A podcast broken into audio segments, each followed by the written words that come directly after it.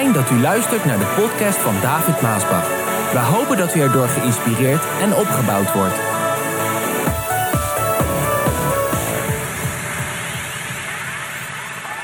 Wie is de Heilige Geest? Wie is de Heilige Geest? Dat is een goede vraag. Als we lezen wat Jezus over hem zegt, dan lees je dat hij heeft het niet over een ding. Hij heeft het over hem en hij heeft het over hij.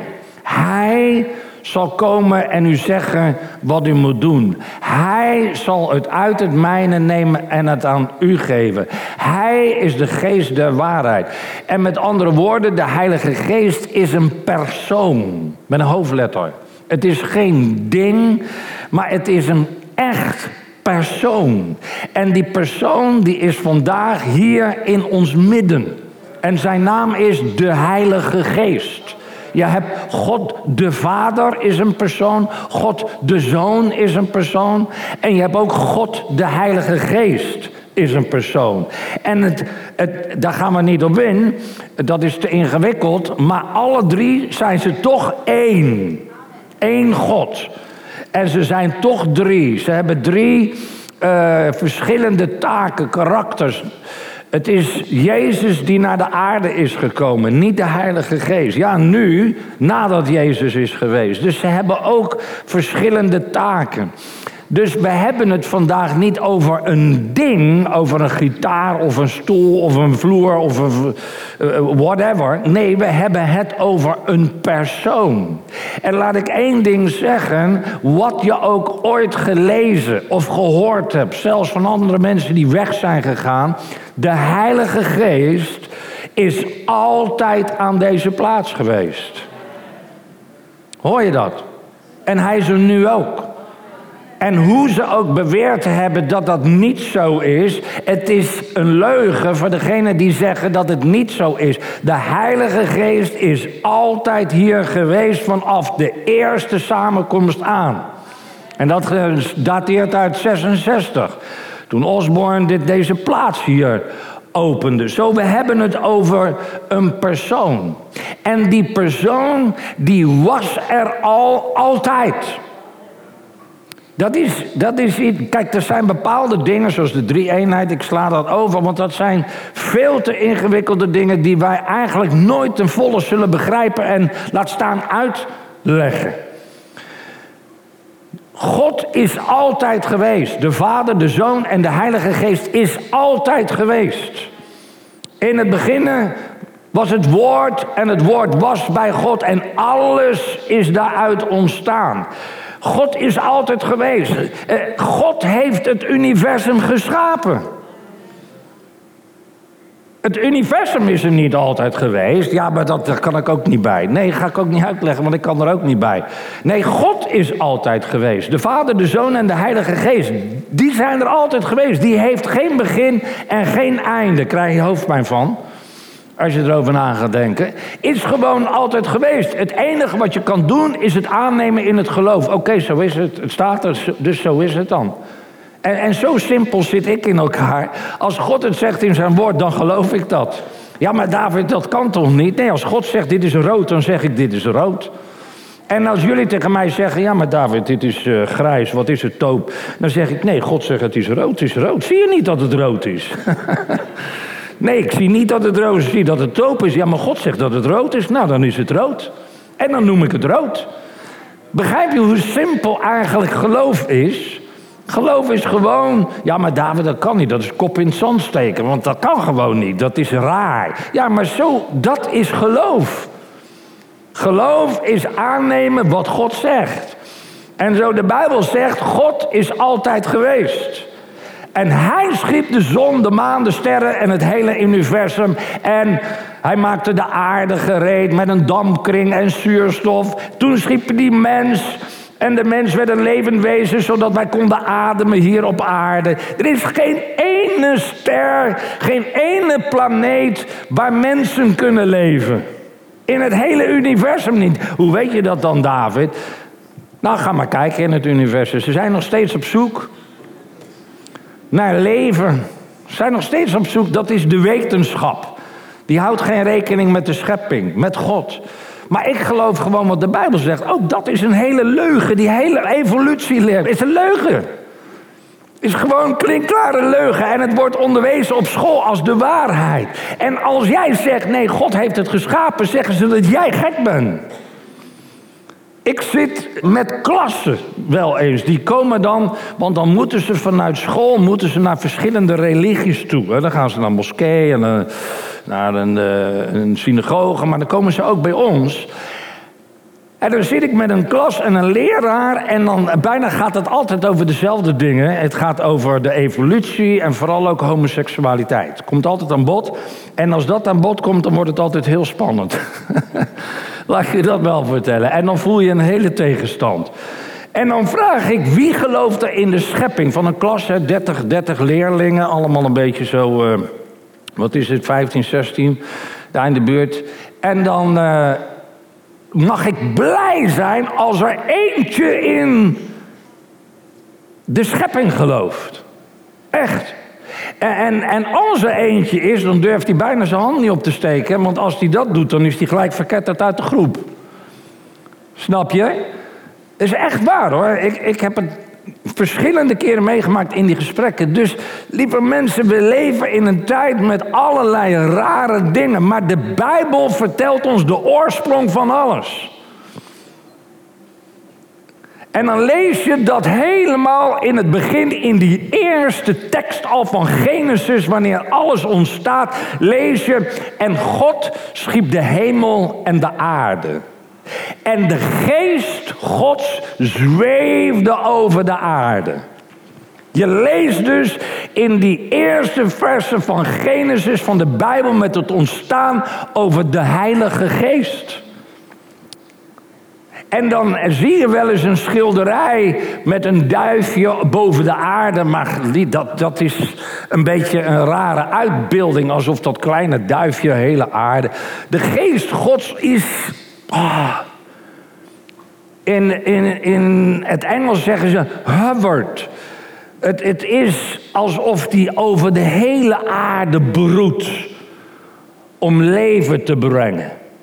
En dat gebeurde ook toen God zei: er zij licht en er kwam leven in de duisternis. Alles was donker, alles was dood, alles was duister. Ga naar, ga naar die planeten toe, daar is het ijs, daar is het donker, dood, er leeft niks. Zo was het ook op aarde. Maar God bracht door zijn geest leven en licht. Prachtig. Zo je leest al in het Oude Testament over de Heilige Geest helemaal in het begin. En dan lees je hoe de geest Gods door het Oude Testament heen beweegt. Want ook de Heilige Geest, dat begint niet met Pinksteren. Nee, de Heilige Geest is altijd geweest en heeft in de schepping deelgenomen. Heeft in het maken van de mens deelgenomen. Laat ons mensen maken, zei God. Daar bedoelde hij mee God de Vader, God de Zoon, God de Heilige Geest. En dan lees je dat de geest Gods werkt in het Oude Testament. Maar anders dan met Pinksteren en na Pinksteren. Daar lees je elke keer in het Oude Testament. En de geest Gods greep David aan. Of de geest Gods kwam over Simson. Met andere woorden, je leest elke keer dat de geest Gods iets deed, maar hij kwam over de mens. Of hij kwam op de mens. Maar hij kwam nooit op een manier in de mens zoals dat gebeurde met Pinksteren. Zo, de Heilige Geest werkte dus in het hele Oude Testament, maar op een andere manier. En dan, dan lees je over de komst van Jezus Christus. Eigenlijk de voorbereiding voor de Heilige Geest om ook uitgestort te worden op die Pinksterdag, zoals Joel en vele anderen hebben geprofiteerd. Alleen in de vier evangeliën, daar zie je dat de Heilige Geest zich vooral en eigenlijk voornamelijk alleen manifesteert rondom de persoon Jezus Christus. Niet zozeer via andere mensen, dat, dat gebeurde eigenlijk allemaal rondom Jezus Christus. Jezus Christus, hij werd geboren uit de Heilige Geest, daar begon het al. Maria, de Heilige Geest zal over je komen en dat wat in je geboren wordt zal de Zoon van God zijn. En dan zie je dat de Heilige Geest Jezus leidt naar de woestijn. Zo, Jezus werd ook geleid door de Heilige Geest naar de woestijn. En dan lees je ook de bediening, hoe Jezus bekrachtigd werd. Eh, als hij ook zegt, de geest des Heren is op mij. Om het evangelie te verkondigen, om blinde ziende te maken, gevangenen te bevrijden. Eh, je leest hoe hij gedoopt werd. Op een gegeven moment, hij groeide op, de Heer Jezus, in de zaak van papa. Zo gaat dat heel vaak, vandaag nog steeds. Hij groeide op, was daar in die timmermanszaak van zijn vader Jozef bezig.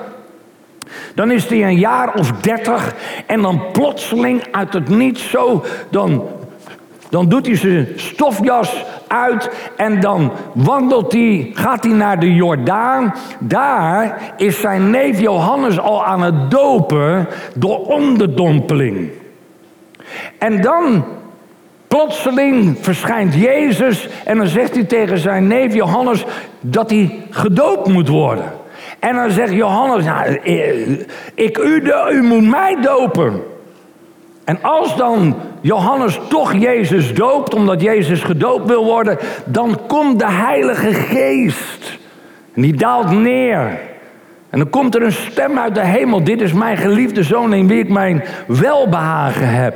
En dan, dan daalt de geest neer op Jezus. En dan zegt Johannes nog, hij zegt nog, vergeet het niet, hij zegt nog, ik ben niet waardig zijn schoenveter los te maken of te veteren. Hij zegt, maar degene die na mij komt, dat was Jezus, zal u dopen met de Heilige Geest en met vuur. Prachtig allemaal. Zo, het speelde zich eigenlijk af rondom Jezus. Jezus werd ook opgewekt door de Heilige Geest.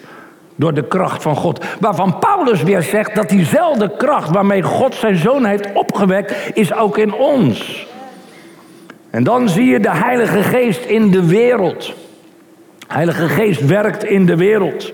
Hij overtuigt van zonde en van gerechtigheid. En hoe overtuigt de Heilige Geest van zonde en gerechtigheid in de wereld. Door u en mij, door jou en mij, Gods kinderen heen. Want Jezus heeft gezegd, gij zijt het licht der wereld. Je bent het zout der aarde, je bent het licht der wereld. De Heilige Geest heeft licht gebracht en die brengt ook licht in onze duisternis. Die verlicht onze ogen, de ogen van ons hart, zodat we dingen begrijpen en dingen zien. En ook vanuit het woord van God. En als het licht dan in ons begint te schijnen, gaat het ook naar buiten schijnen. En daarom zegt Jezus, laat uw licht schijnen in de duisternis. Prachtig hoe de Heilige Geest eigenlijk die persoon, hoe die werkzaam is in de wereld om de mensen tot bekering te brengen, om de mensen vanuit de duisternis in het licht te brengen, zoals jij ook eens vanuit de duisternis naar het licht kwam. Iemand heeft ergens het licht laten schijnen, waardoor jij nu in het licht wandelt. Jij bent niet zelf zomaar in het licht gekomen van, oh, ik zie een lichtje, leuk. Nee, trouwens ook het werk weer van de Heilige Geest om jou het licht te laten zien. Maar iemand heeft jou, of dat nou papa of mama is, je broer of je zus, je oom of je tante, of een samenkomst, of een folder, of een getuigenis, of een lied, of een boodschap. Op een of andere manier heb jij het licht gezien. Dat is het werk van de Heilige Geest. En hij heeft jou getrokken en hij heeft jou gebracht. Dan heb je de Heilige Geest in de gelovigen. Dat ben jij en ik natuurlijk. Het verlicht het verstand. Het bemoedigt, het vertroost, het wijst de weg, het heiligt je. Het laat je zien wat je wel en niet moet doen. Het laat je zien waar je wel en niet moet gaan. En laat ik één ding zeggen, ik weet dat dit waarheid is. Ik heb momenten in mijn leven meegemaakt dat ik uitgenodigd werd door een bepaalde broedergroep voor een bepaalde hè, comité vanuit een gemeente. En zij nodigde me uit om over bepaalde dingen te praten. En dat de Heilige Geest tegen mij zei: Ga niet, want ik heb ze niet geroepen. Hoe kan je dan dat weten? Ja, dat kan je niet vanuit jezelf weten. Daarom maken vele mensen een fout. En gaan ze naar plaatsen waar ze niet moeten zijn. Doen ze dingen die ze niet moeten doen. Maar de Heilige Geest beschermt jou. Hij spreekt in je binnenste. En hij laat weten wanneer je wel of niet moet gaan. Waar je wel en niet heen moet gaan. Wat je wel en niet moet doen. De Heilige Geest is betrokken in alle kleine details van je leven. Dat vind ik zo prachtig. Zo heeft de Geest Gods altijd de gemeente en het werk geleid tot op de dag van vandaag. Heerlijk. De doop met de Heilige Geest. Er is een verschil tussen het ontvangen van de Heilige Geest en de doop met de Heilige Geest. Het ontvangen van de Heilige Geest, dat gebeurt bij de wedergeboorte. Dan ontvang je de Heilige Geest. De Heere God zegt, als je opnieuw geboren wordt, dan word je helemaal nieuw. Het oude is voorbij, het nieuwe is gekomen. Die vernieuwing, die noemt de Bijbel de wedergeboorte. Jezus heeft het erover tegen Nicodemus.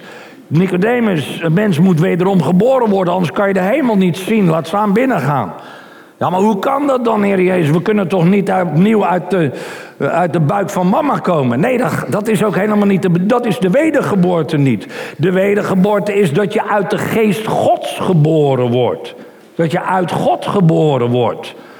En als je dus opnieuw geboren wordt uit de geest Gods, dan word je van binnen helemaal nieuw. En dat is ook het moment van wedergeboorte dat God in je komt. In jouw leven, in jouw denken, in jouw hart komt. Vandaar dat we ook altijd de uitnodiging doen. Wil je jouw leven aan God geven? Wil je je openen voor Jezus Christus, Hem aannemen als je redder en verlosser? En als dus die wedergeboorte plaatsvindt, als jij Jezus hebt aangenomen, je hebt je hart geopend en God komt in jouw leven binnen, dan komt en God de Vader en God de Zoon en God de Heilige Geest binnen in je. Kan toch niet zo zijn dat God de Vader, God de Zoon binnenkomt en de Heilige Geest staat buiten? Kan niet, want ze zijn één. Zo, zij komen als één in jouw leven binnen.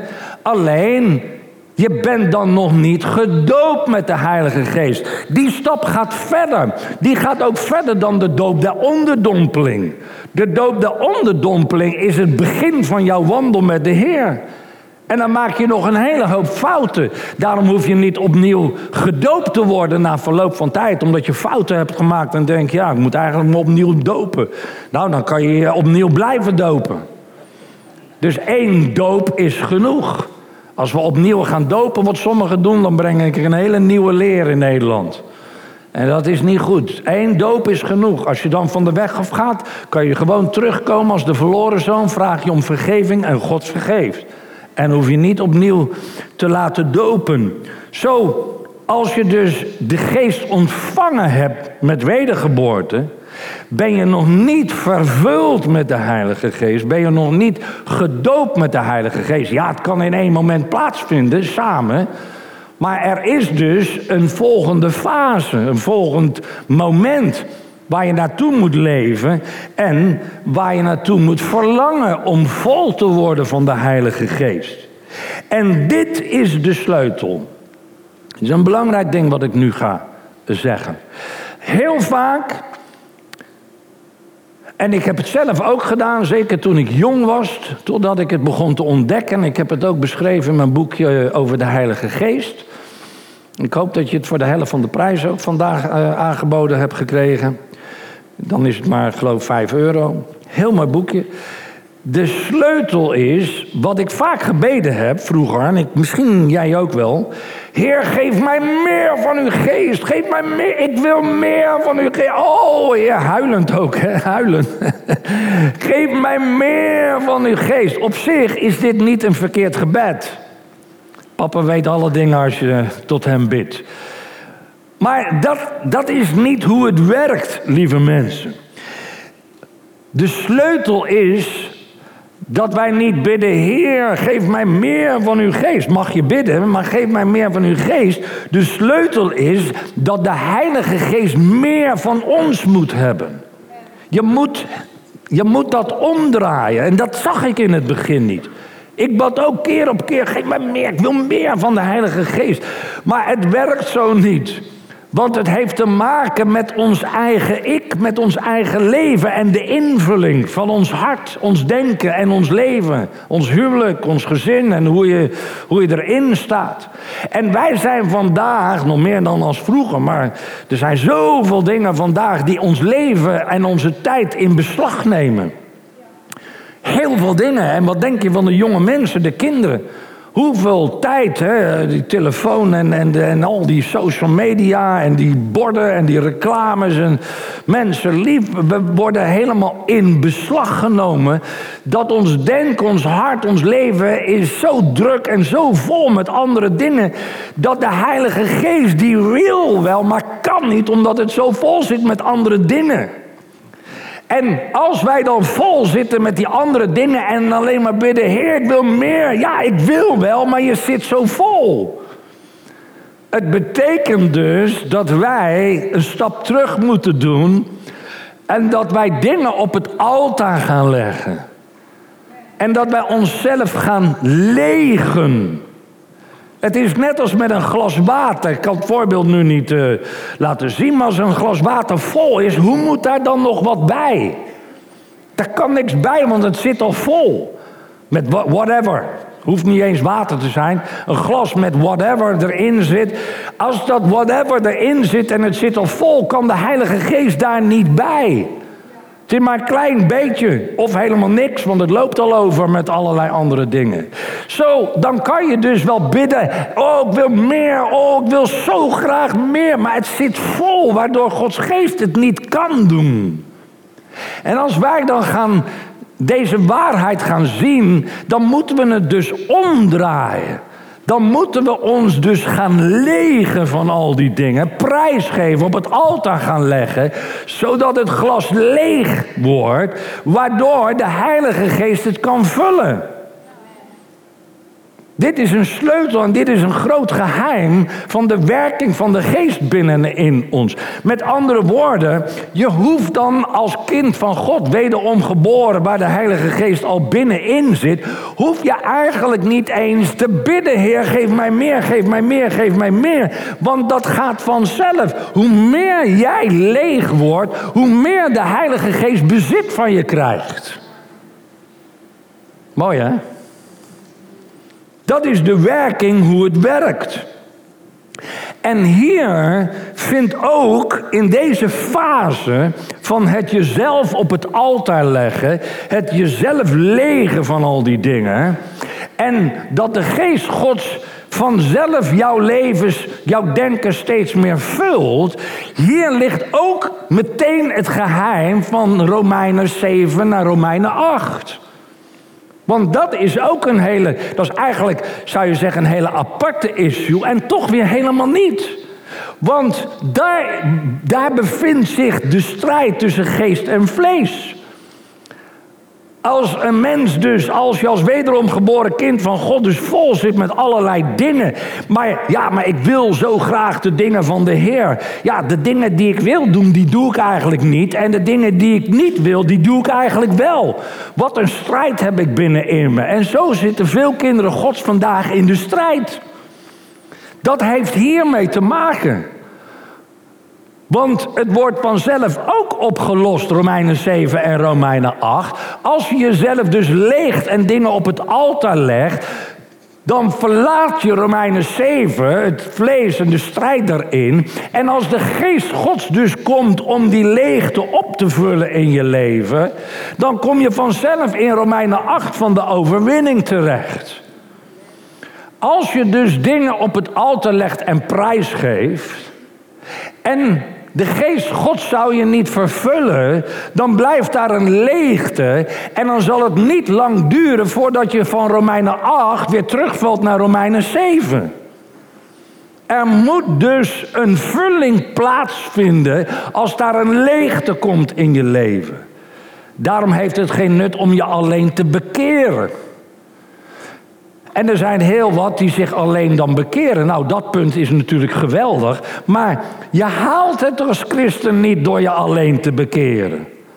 Je moet die leegte die dus ontstaat bij je bekering. Want, want Je bent vol met de dingen van, van, van, van hè, het vlees, de dingen van de wereld, de zaken, de school, de omstandigheden, noem het allemaal maar op. Daar kom je tot een keuze. Nee, ik wil meer Jezus volgen, dienen. Je laat je dopen, dus je bekeert je. Dan komt er een leegte, want je legt die dingen op het altaar. En als je doorgaat met een leegte, ja, dan gaat die leegte vanzelf weer verlangen naar die oude dingen, want die leegte wil opgevuld worden. En daarom is het zo belangrijk dat we zo'n powerconferentie hebben, waar we erop wijzen, nee, je moet je ook laten vervullen met de Heilige Geest. Zodat je vol wordt van de Heilige Geest en ook op die nieuwe weg kan blijven wandelen. Waardoor het niet meer verlangt naar het oude. Het is niet zo. Je wil eigenlijk dat oude niet meer, want dat nieuwe Romeinen 8, de volheid van de geest, verlangt naar meer van de Heer.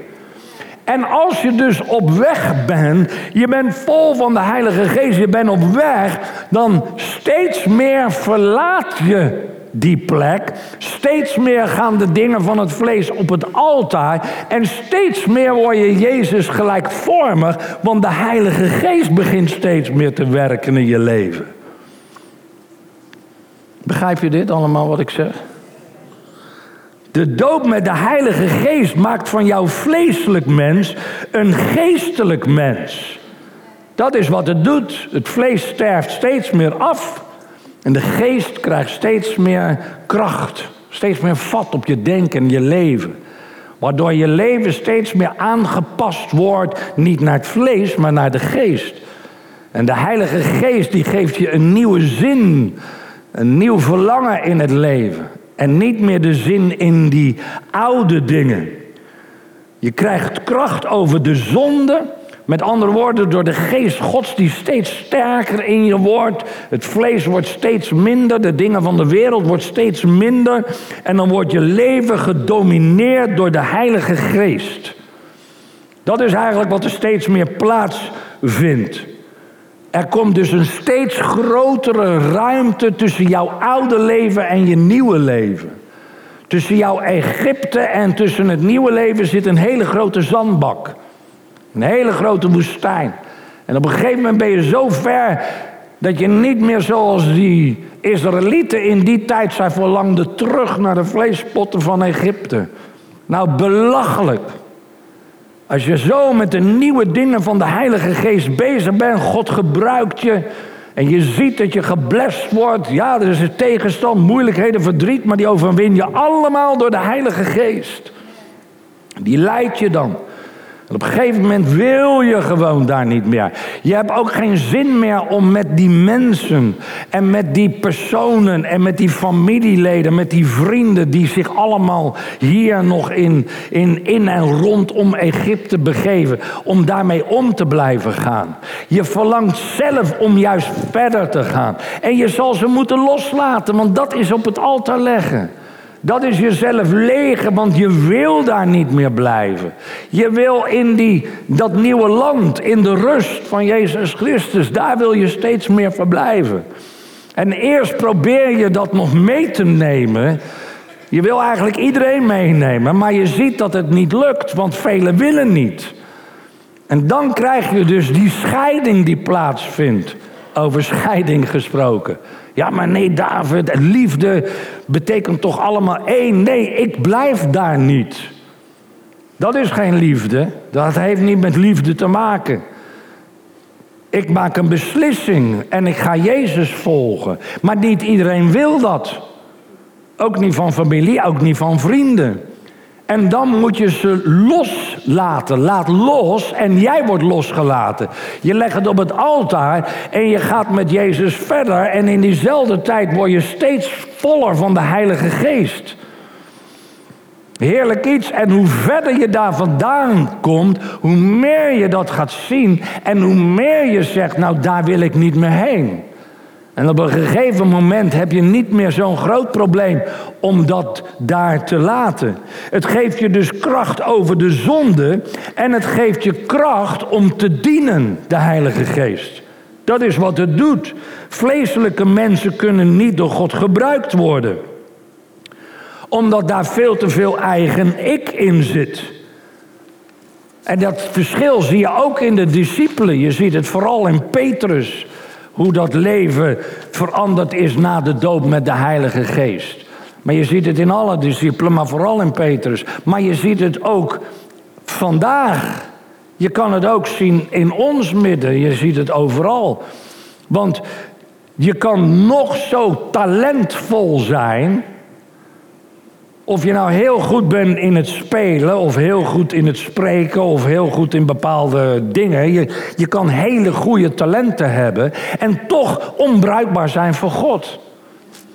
En dat snapt men dan niet, want dan denkt men, althans de vleeselijke broeders en zusters, die denken dat, oh dat is ook zonde, die persoon is toch veel beter.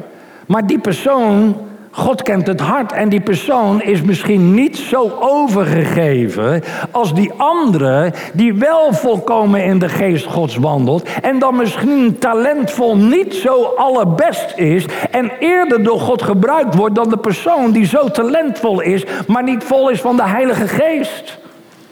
Want degenen die dus niet vol zijn van de Heilige Geest, maar nog veel wandelen in het vlees en denken in het vlees, die zullen hun dingen altijd doen op de manier zoals zij dat denken goed is. Terwijl God het misschien anders wil. En daardoor zijn sommigen niet bruikbaar. Het voorbeeld is ook Petrus. Petrus was echt een goede vent. En hij had de Heer Jezus lief. Maar hij wandelde nog veel te veel in zijn eigen kracht. Waardoor hij dingen deed op zijn manier. Oh nee, Jezus, dat gaat u niet gebeuren hoor. Toen de Heer Jezus zei dat hij naar het kruis moest gaan. Nee, nee, nee, nee, al moet ik mijn leven daarvan geven. En hij meende dat. Dus die mensen, die menen dat ook echt oprecht. Kunnen dus hele lieve, goede broeders en zusters en mensen zijn maar toch niet bruikbaar tot God. Waardoor Jezus tegen Petrus zegt: Geachte mij, Satan, want wat je nu zegt is niet uit God. Als een ander dat dan echt zou horen, die zou dan denken: Wat zegt hij nou? Bij die broeder? Dat kan toch niet? Dat is een volkomen overgegeven broeder. Ja, dat is wat wij zien, want wij zien wat voor ogen is, maar God kent het hart. En wij zouden zeggen, nou die eerste broer, Eliab, dus, dus wij, wij denken, oh nee, Eliab, dat is echt, dat is een koning hoor. Een koning. Maar niet bruikbaar voor God. Die tweede was ook een grote. Maar dan moet het echt die tweede zijn. Die tweede was het ook niet. En die derde was het ook niet. Heb je niks anders. Ja, ja, eentje op het veld. Die uh, achter de schapen. Gaat die maar halen. Dat is hem. Begrijp je?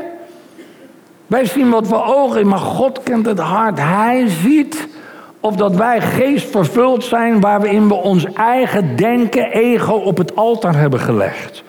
En waarin de geest God steeds meer vat van je krijgt. Nou, de voorwaarde om gedoopt te worden met de Heilige Geest. We komen tot een einde, want dan gaan we bidden. En ik wil graag tijd nemen om te bidden even vandaag. Nummer 1, overgave. Voorwaarde om gedoopt te worden met de Heilige Geest is overgave. Overgave is overgeven aan Jezus en breken met de zonde. Dat hoort erbij, snap je? De boodschap gaat misschien net een andere kant op. Misschien voor de ouderen onder ons.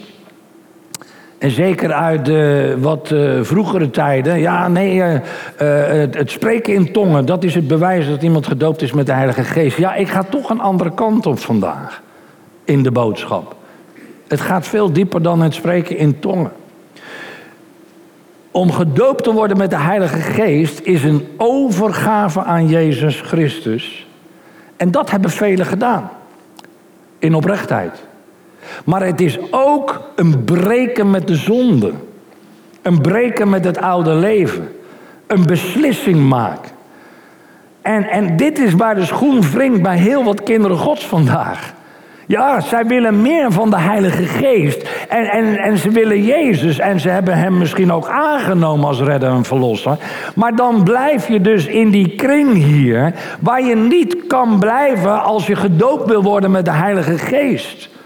Je zal dus in dezelfde tijd ook een beslissing moeten nemen om die kring en die zaken en die dingen wat dat glas vult met whatever het is, om dat los te laten, op het altaar te leggen en dan Jezus ook te gaan volgen. Terwijl die anderen dat misschien niet willen. Ja, maar David, het is wel familie. Ja, hier ben ik door in de krant gekomen toen ik dat zei. So what? Kunnen ze weer in de krant zetten. Ja, dat is precies wat over de tv kwam toen ik dat zei. Familie, vrienden, so what? Je zal ergens de beslissing moeten maken om niet alleen je hart aan Jezus te geven en wederom geboren te worden. Je zal ook de plek Egypte moeten verlaten. En je zal Jezus moeten gaan volgen. En dat, er zijn er velen die dat niet willen. Wij waren vroeger veel op voetbal. Tenminste, ik ging altijd uh, met John Henry mee, want dan moest hij trainen drie keer per week. En op zaterdag had hij een uh, wedstrijd. En uh, er waren ook die andere kinderen daar. Met hun ouders stonden natuurlijk allemaal aan te moedigen. En onze kinderen, Jessie en Lissa gingen soms ook mee. Ja, die waren altijd beleefd. En ja, je zag gewoon een verschil in de reacties, in de manier van, in het praten van onze kinderen. En dat is niet hoogmoedig bedoeld om het zo te zeggen. Maar die ouders, die zagen dat ook ten opzichte van hun eigen kinderen. Waarvan er een hele hoop, dan stonden ze te vloeken of dan werden ze helemaal driftig en boos en al die dingen meer. En ze vertelden enkele van die ouders zelfs tegen ons van, oh, wij zouden het toch wel fijn vinden als onze kinderen zoals jullie kinderen zouden zijn. En als wij dan vertellen waar dat vandaan komt, in wat voor soort opvoeding dat komt, dat het om Jezus draait, om het geloof, om het woord van God waarin wij de kinderen opvoeden, dan merk je ineens een kantelpunt. Want dat willen ze niet. Kijk, daar ligt dat verschil. Ze willen dus wel dat wat ze zien, wat ze fijn vinden. Maar, en wat dan uit God voortkomt, uit dat nieuwe leven. Maar degene die dat nieuwe leven geeft, de gever, die willen ze niet. Ja, we willen dat wel, maar Jezus niet. En zo zijn er natuurlijk een hele hoop. En dat is waar het dus begint. Het begint met een overgave je hart aan Jezus. Nou, velen hebben dat gedaan, prijs de Heer. Maar vandaag gaan we een stap verder. Dat het betekent ook het breken met bepaalde dingen. Waar dat glas mee volkomt, waar het juist geleegd moet worden. En ik hoef jou niet te vertellen wat dat is, want misschien worstel jij daar vandaag wel mee, omdat je diep in je hart weet dat het zo is. En diep in jouw hart heeft God al verschillende keren tegen jou dat gezegd of laten zien dat je daarmee moet breken, dat je het los moet laten, dat je het achter moet laten. Maar elke keer, of je doet het niet, of je wil het niet. En als het zo is, je doet het niet of je wil het niet, blijf je dus altijd hangen tussen 7 en 8. Romeinen 7 en 8. En elke keer die strijd. En kom je dus nooit in die volkomen vrijheid en blijheid en vrede en rust en overwinning.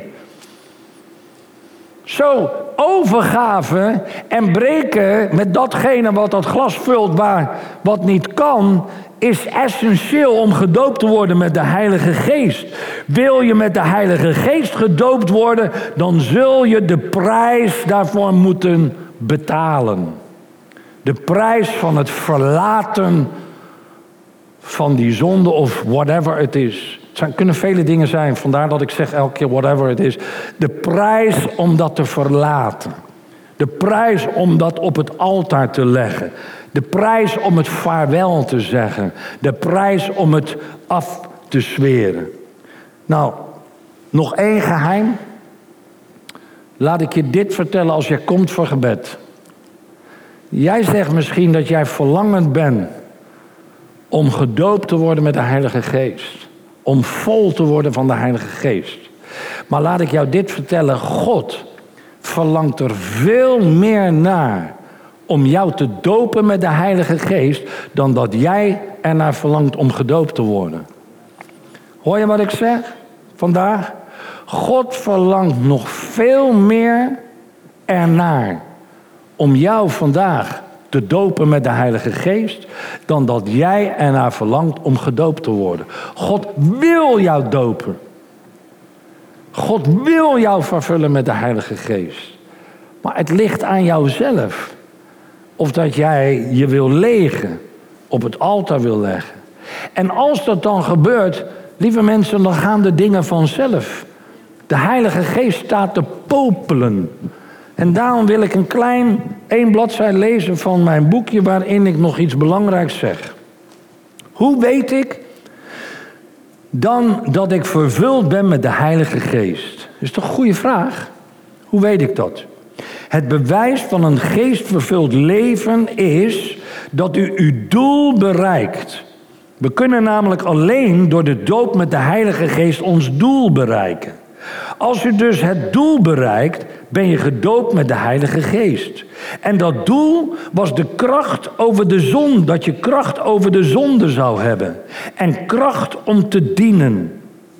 Wat was het bewijs van Elisa dat Elisa een dubbel deel van de geest van Elia had ontvangen? Was dat een speciaal, een bijzonder gevoel? Nee, het was dat toen Elisa weer bij de Jordaan kwam, hij met de mantel van Elia het water van elkaar scheidde, precies zoals Elia voor hem had gedaan. Met andere woorden, het bewijs kwam in zijn werken voor God. In zijn dienst voor God. Met de doop in de Heilige Geest moet de vraag dus zijn: heb ik kracht over de zonde? Begrijp je dit, wat ik nu zeg? Jouw vraag moet dus eigenlijk zijn met de doop van de Heilige Geest: heb ik kracht over de zonde? Heb ik kracht om te dienen en mijn werk voor God te volbrengen? Dit is belangrijk dat ik dit even zeg, omdat sommigen zich alleen focussen op het spreken in tongen. Maar als ik bijvoorbeeld naar Billy Graham kijk, Billy Graham sprak niet in tongen. Nou, je hoeft mij niet te vertellen dat die man niet vervuld is met de Heilige Geest. Je kan dus aan sommigen niet altijd zien. We mogen daar wel naar verlangen, maar je kan niet altijd zien. En dat wil niet zeggen dat iemand niet vervuld is met de Heilige Geest. Waar kan je het aan zien? Als een persoon kracht heeft over de zonde en kracht heeft om te dienen, zodat hij zijn taak van God kan volbrengen. Dat lukt door de Heilige Geest. Is het antwoord hierop ja, dan ben je gedoopt met de Heilige Geest. Dan ben je vol van de Geest van God. Dan heb je een geestvervuld leven. Is het antwoord hierop nee, dan ben je niet gedoopt met de Heilige Geest.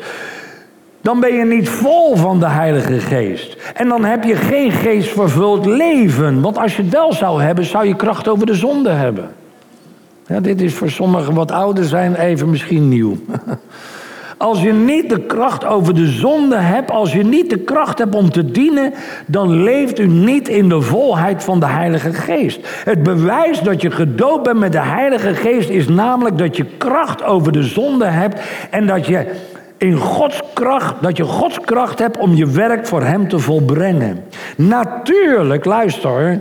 Natuurlijk zijn er heel veel andere resultaten die de Heilige Geest brengt. Denk bijvoorbeeld aan rust en vrede in je hart, onuitsprekelijke vreugde en blijdschap, het besef van de tegenwoordigheid van God, vrijmoedigheid om te getuigen en te spreken, vrijheid om in het openbaar te bidden en te danken, een brandend verlangen naar de bruidegom, een buitengewone liefde voor verloren gaande zielen, een uitzonderlijke tevredenheid in het dienen en het gehoorzaam eh, gehoorzamen van Gods wil, het spreken in tongen, de gaven van de geest, dit alles en nog veel meer brengt een geestvervuld leven met zich mee. Met andere woorden, lieve mensen, het begint met de dingen die ik heb uitgelegd. En als je dan vervuld wordt met de Heilige Geest en je raakt vol met de Heilige Geest en je verdwijnt van dat Egypte, je komt in dat volle leven, dan krijg je en heb je kracht over de zonde. Dan heb je kracht om nee te zeggen. Waar het anders niet lukt, want dan word je weer getrokken. Maar je hebt kracht om nee te zeggen. Nee, dat wil ik niet. Dat is de Heilige Geest binnenin je die je helpt. En dan heb je kracht om steeds meer op het altaar te leggen. Oké, het kost mij de prijs. Heer, u wil weer dat ik iets nieuws, denk aan Abraham met Isaac, iets nieuws op het altaar leg. Al is het nog zo kostbaar, maar ik heb u zo lief, de Heilige Geest helpt je daarbij. Zo kom je steeds meer dan in een krachtig leven met de Heer. Dat is misschien toch een hele andere engel dan dat je verwacht had over een preek over de doop met de Heilige Geest. En lieve mensen, dat is precies wat wij vandaag nodig hebben. Het begint hiermee. En dat andere, het spreken in tongen en, en, en al die andere dingen, die komen vanzelf. Nadat jij wandelt in de geest en vol bent van de Heilige Geest. En dan is het verschil ook zichtbaar. Tussen licht en duisternis. En wil je niet meer die dingen? Je wil eigenlijk niks meer doen waarmee je de Heilige Geest verdriet doet. Want de Heilige Geest kan je verdriet doen. Hij is een persoon. Je kan hem verdriet doen. Je kan hem pijn doen. Je kan hem blij maken. Je kan naar hem luisteren. Hij luistert naar jou. Je kan tot hem spreken. Hij spreekt met jou. En zo, lieve mensen, alsjeblieft, laat dit dan ook het verlangen zijn. En daarom wil ik de tijd nemen om met je te bidden. En ik wil de broeder voorgangers vragen om naar voren te komen en hier te gaan staan. En als je eerst dingen op het altaar moet leggen, zeg je dat. Je, en je zegt misschien ook wat. Je hoeft je niet te schamen, ze hebben geheimhoudingsplicht. Je mag ook zeggen wat je op het altaar wil leggen of waar je mee worstelt. En dan bidden we ook, als we dat hebben gedaan, bidden we ook voor de vervulling met de Heilige Geest. En de Heer zegt, als je om de geest bidt, dan ga ik je geen slang of een steen geven. Ik geef je de geest. Nou, de geest heb je eigenlijk ontvangen al met de wedergeboorte. Maar God wil echt dat je gedoopt wordt, dat je vervuld wordt, dat je vol wordt. En dat is die stap extra, die moet jij zelf nemen. Ik nodig je uit om te komen voor gebed. Kom maar. Ook op het balkon, neem even de tijd om naar beneden te komen, zodat we samen met je kunnen bidden. Laten we even de tijd nemen. Laten we samen bidden. Wie je ook bent, wat je ook gedaan hebt en waar je ook vandaan komt. Broeder Veo zei het heel mooi vanmorgen. Waar je nu bent en waar je naartoe gaat. Dat is waar het om gaat. Kom maar. Genoeg mensen, kom. En alsjeblieft, wees vrij. Schaam je niet. Zeg gewoon, beleid het, zeg het. we gaan samen met je bidden. Oh, halleluja.